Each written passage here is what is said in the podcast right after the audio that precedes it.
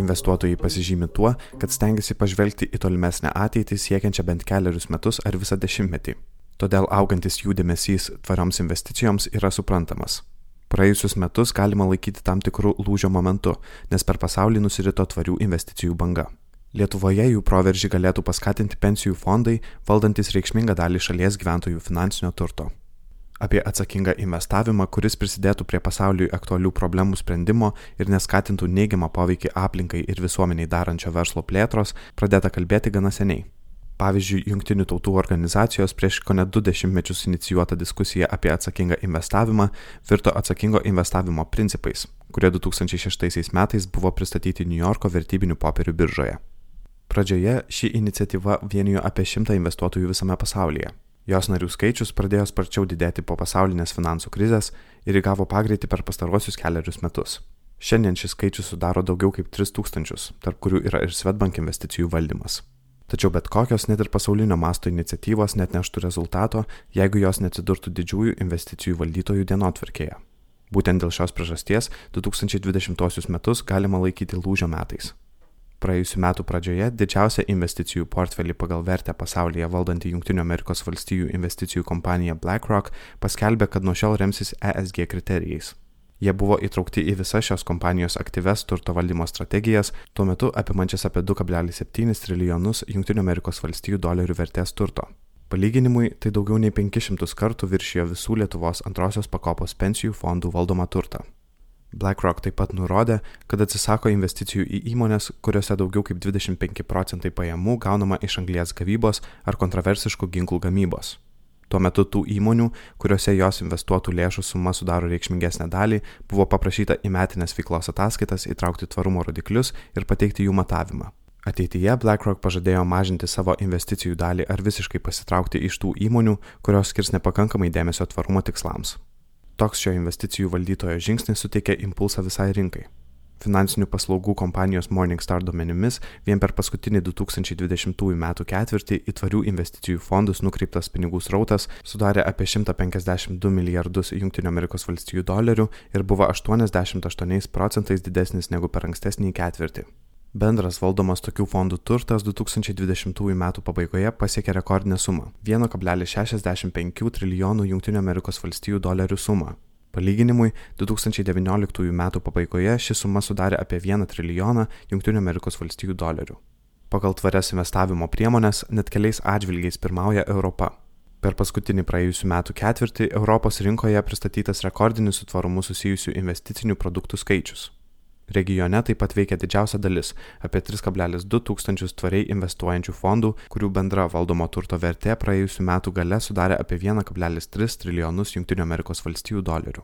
Be to, ES pirmoji prieš daugiau nei metus paskelbė ambicingą tikslą iki 2050 metų tapti klimato poveikiui atsparia visuomenė ir tam praėjusiu metu pradžioje patvirtino 750 milijardų eurų siekiančią programą.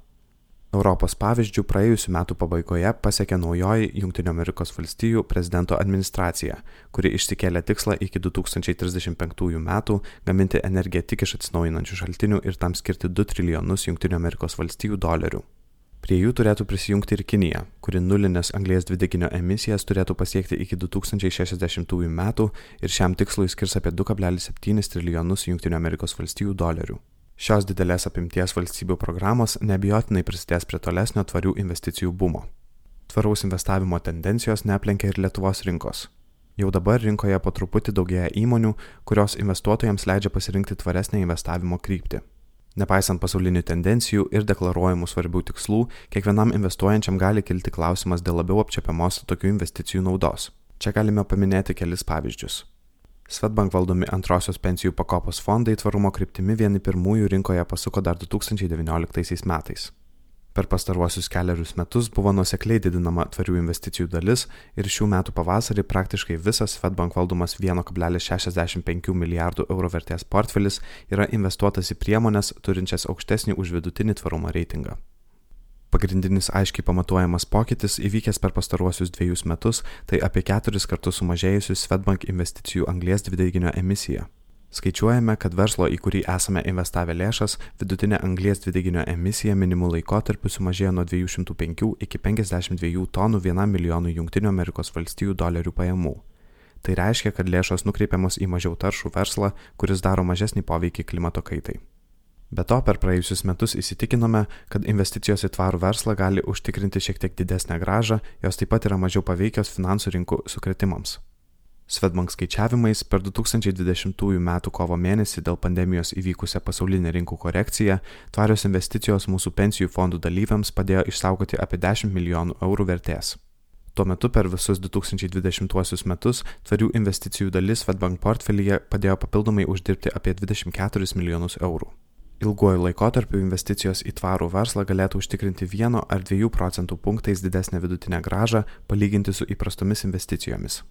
Be to, praėjusiais metais Lietuvos banko paskelbta ataskaita, kurioje išanalizuoti pensijų fondų investicijų portfeliai, taip pat rekomendavo didesnę dalį lėšų nukreipti į tvarias investicijas, argumentuojant besiformuojančią pasaulinę praktiką ir didesnę tikėtiną tokių investicijų gražą.